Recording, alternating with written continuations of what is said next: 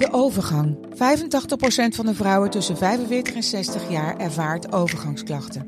Klachten die kunnen leiden tot een verkeerde diagnose of langdurige arbeidsongeschiktheid. Wat kun je doen als je overgangsklachten ervaart? Hoe maak je dit bespreekbaar op je werk? En als jouw medewerker bij jou komt, wat kun je als werkgever dan doen? Sector Instituut Transport en Logistiek heeft een kennisplatform ontwikkeld waar jij terecht kunt voor tips en adviezen. Wil je hier meer over weten? Kijk dan eens op stl.nl/slash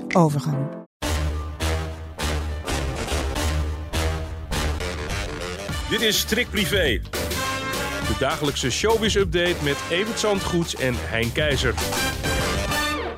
Nou, Evert. Ja. Hein. Goedemorgen. Ja, goedemiddag. Goede, Jordi op vakantie. En Jordi op jij vakantie. neemt eh, een anderhalve week waar. De Nou, honneurs. Ja, Hè? Jordi die, eh, die heeft even, even vakantie, even Ja. vrij. Druk bezet man. druk bezet man. Dus die is eh, Nou, de grote oceaan als de overgevlogen. kat van huis is, dan dansen de sterren hier op tafel, denk ik. ik hoop Want, eh, het maar. Ik mag het hopen. Ik eh, hoop dat je een leuk weekend hebt gehad. Maar Ik hoop niet dat ik dat goede weekend, dat gevoel nu ga verpesten met het volgende fragment.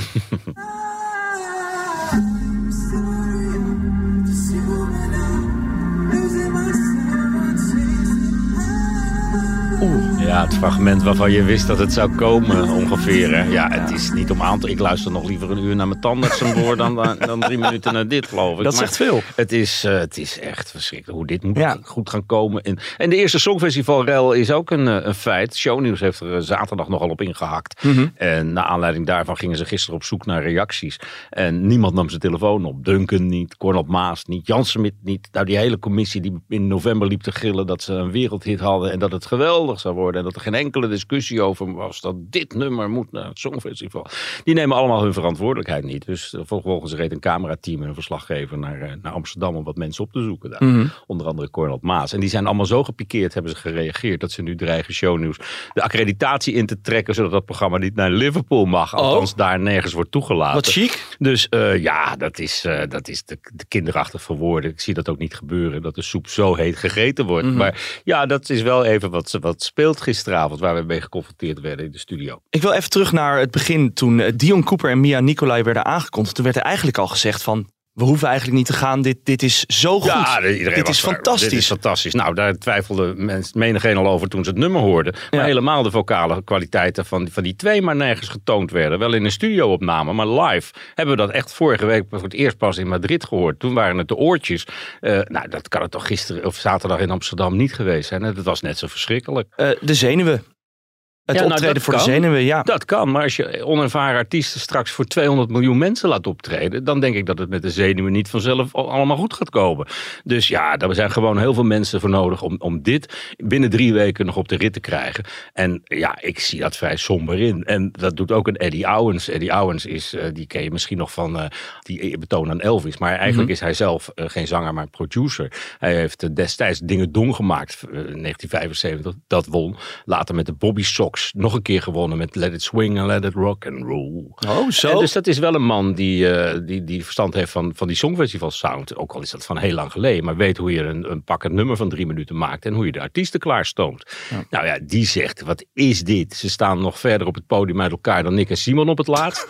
het, het, het, dat is dan niet de act zoals we die straks te zien krijgen. Maar ja, het is natuurlijk wel duidelijk dat deze twee mensen totaal niet capabel zijn om, om een, een serieuze afvaardiging te zijn van een serieus songfestivalland als Nederland. Iedereen houdt zijn kaak op elkaar. Ja, vooral Wat- Cornel Maas. Wat, wat zouden ze moeten of kunnen, kunnen ze nog iets doen? Ja, ja, ze moeten met, met een paar heel ervaren mensen aan de slag. Maar zelfs hun eigen eh, vocal coach die liet ze gisteren zakken. Die stak nog een mes in hun rug door te- bijna te ontkennen dat ze de vocal coach was. En ja, dat is niet een, de team spirit waarmee je denkt, hier gaan we mee naar Nee. Liverpool. Liverpool, de hoofdstad van de mooie Europese popmuziek Ja. notabene. Ja. Je hebt pleit natuurlijk eh, altijd al gedaan voor Sommieu naar het die Songfestival. moeten naar het Songfestival. Die Nou. leveren de ene Songfestival hit na de andere. Dat Multicolors, dat was een Europese knaller van je welste geweest... als die via het Songfestival was gelanceerd. Een nieuwe single, Songfestival Rijp. Sommieu is een, een groep die heel langzaam toegewerkt heeft naar het succes. Afgelopen week bij Galit en Sofie hebben ze zitten vertellen hoe ze dat gedaan hebben. Van de ene overwinning naar de andere. Festivals gaan helemaal plat. Ja, dat moet je hebben. En niet dit, eh, deze leeggelopen Tarzan met die vals zingende Jane. Waarvan akte. Eh, we gaan naar eh, verdrietig nieuws, want de vader van eh, Treintje Oosterhuis is overleden. Ja, vorige week. En uh, afgelopen zaterdag was het uh, stijlvolle, uh, ingetogen afscheid van Huub Oosterhuis. Een echt fenomeen. Natuurlijk vond dat plaats in de mooiste kerk van Amsterdam, de Westerkerk. Waar hij menige, menige dienst heeft geleid. Grote vertegenwoordiging ook vanuit de koninklijke familie. Ja. Mabel was er, maar ook Constantijn en Laurentien. Hij was vriend van de familie en later is hij bijgezet op Zorgvliet aan de Amstel in Amsterdam. En uh, ja, het treintje en Cheert kunnen daar eigenlijk maar op één manier op reageren. Muzikaal. Dat hebben ze gedaan door de laatste tekst van hun vader, de laatste liedtekst op muziek te zetten. En dat uh, onder deze zware omstandigheden heel emotioneel natuurlijk op te nemen en uit te brengen ook. De hemel vol vogels en sterren. Nu is het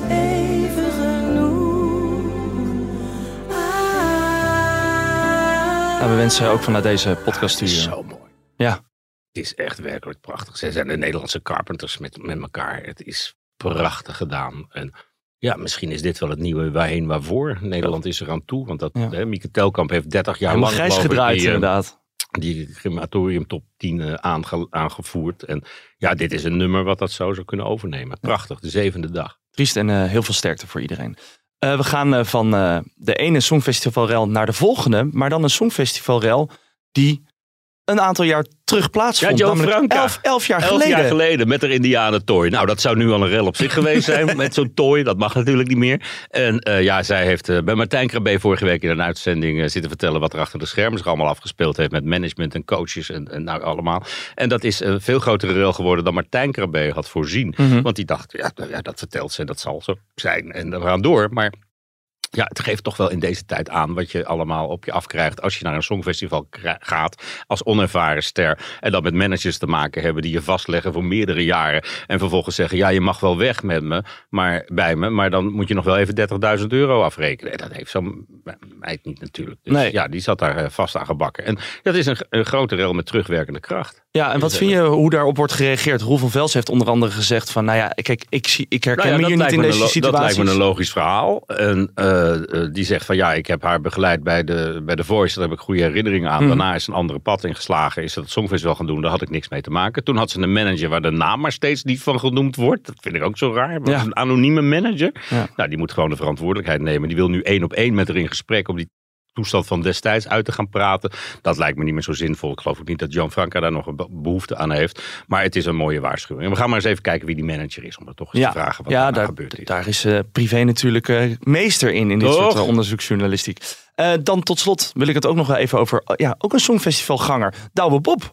Ja, die had afgelopen weekend nieuws ook Zo. bij ons te melden. Namelijk dat hij gaat meedoen aan Holland Zingt Hazes, de Ja. volgende editie. Nou, hij is ervoor gevraagd, erg vereerd, want hij is een grote fan van André Hazes senior vooral.